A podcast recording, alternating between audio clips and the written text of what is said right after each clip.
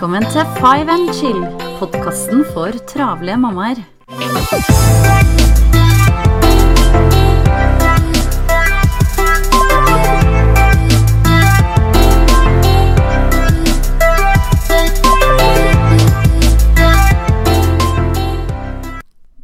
Hei og velkommen til en ny episode. Janne her.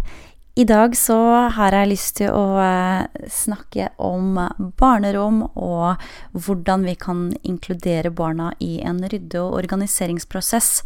Og vinteren er jo et helt perfekt tidspunkt å gjøre det på, på de kaldeste dagene, ikke sant. Så er det også kjempefint at uh, man får litt ekstra kvalitetstid på den måten her sammen med ungene.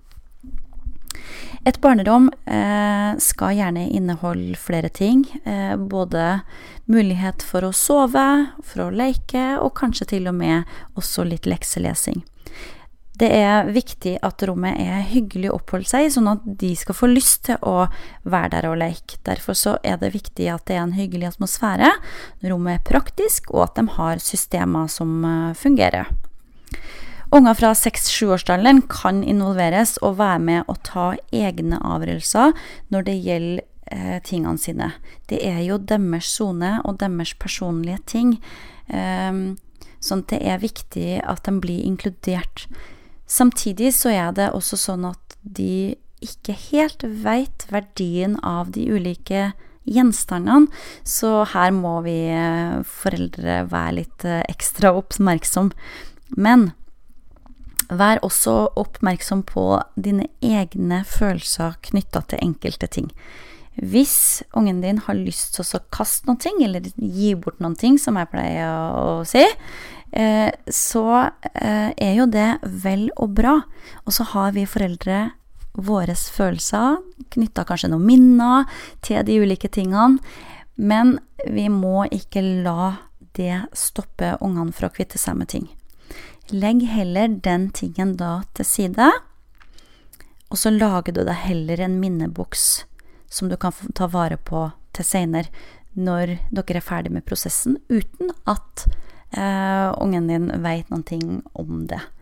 Eh, ros dem for at de har vært flinke til å faktisk ta såpass gode avgjørelser og kvitte seg med ting, fordi at det er nemlig en stor utfordring, særlig i begynnelsen, å få de til å gi slipp på ulike leker. Det er en prosess for dem også, akkurat som for oss eh, foreldre. Kosebamser og det å skulle kvitte seg med kosebamser er en stor utfordring for mange barn. Eh, de har mange følelser knytta til hvert kosedyr, og derfor så vil de nødigst gi fra seg et eneste ett. Men det er mulig å få det til. Mitt tips er også her, som i det meste av andre ting jeg sorterer og organiserer rundt omkring i huset, er å sortere ut fra kategori. Når de ser at de har så og så mange hunder, så og så mange katter, så og så mange bjørner osv., så, videre, så kan det være at de har lettere for å gi fra seg eh, et par bamser i hver kategori. Vær fornøyd med hver eneste bamse de klarer å gi fra seg, sjøl om det betyr 3 av 50.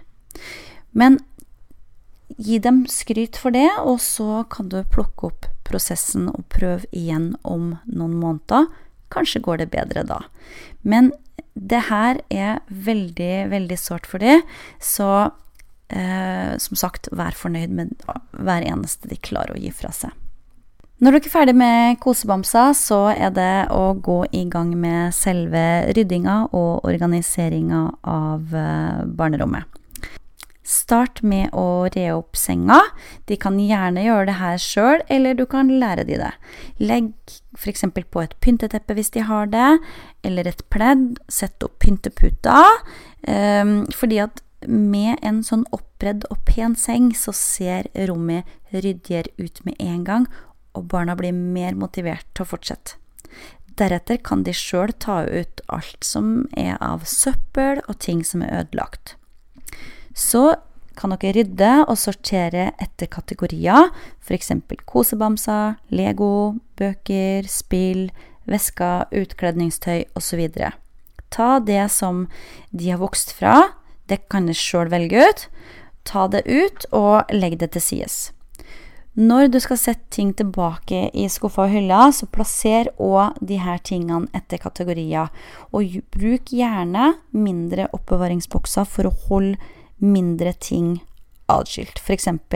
ponnier og andre småfigurer kan i en egen boks, småbiler i egen boks, større biler i en annen boks, osv. På den måten så blir det lettere for barna å holde orden på rommet sitt og rydde tilbake når de eh, er ferdig. For da kan de også bare ta ut én og én boks av gangen. For litt mindre barn så kan det også være lurt å merke boksen med innhold. Det var barnerom, og hvordan vi kan uh, inkludere barna i selve rydde- og organiseringsprosessen. Uh, jeg har gjort det her flere runder med dattera mi. Ikke, jeg har prøvd med han minsten på fem år, men han har uh, fram til nå vært litt liten. Jeg skal prøve igjen til sommeren og se hvordan det går. Men dattera mi har vært gjennom det her noen runder, og når hun først blir satt i gang med eh, ryddinga på rommet sitt, så eh, gjør hun det skikkelig grundig, og hun vil plutselig ikke ha noe innblanding eller hjelp, og vil ordne det sjøl. Og jeg lover deg, det rommet, det ryddes og vedlikeholdes, og hun passer på at det ikke blir rotete. For jeg tror hun syns at det er veldig hyggelig å ha det ryddig på rommet sitt også. Og så er det veldig hyggelig eh, når venninna kommer på besøk også, at de lett kan finne igjen de tingene som hun liker å leke med. Det var det jeg hadde for i dag. Jeg håper du ble inspirert.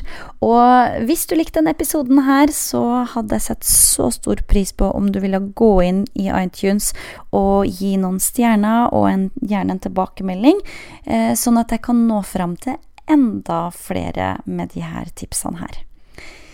Jeg håper du får en fantastisk uke, så høres vi igjen snart. Ha det bra!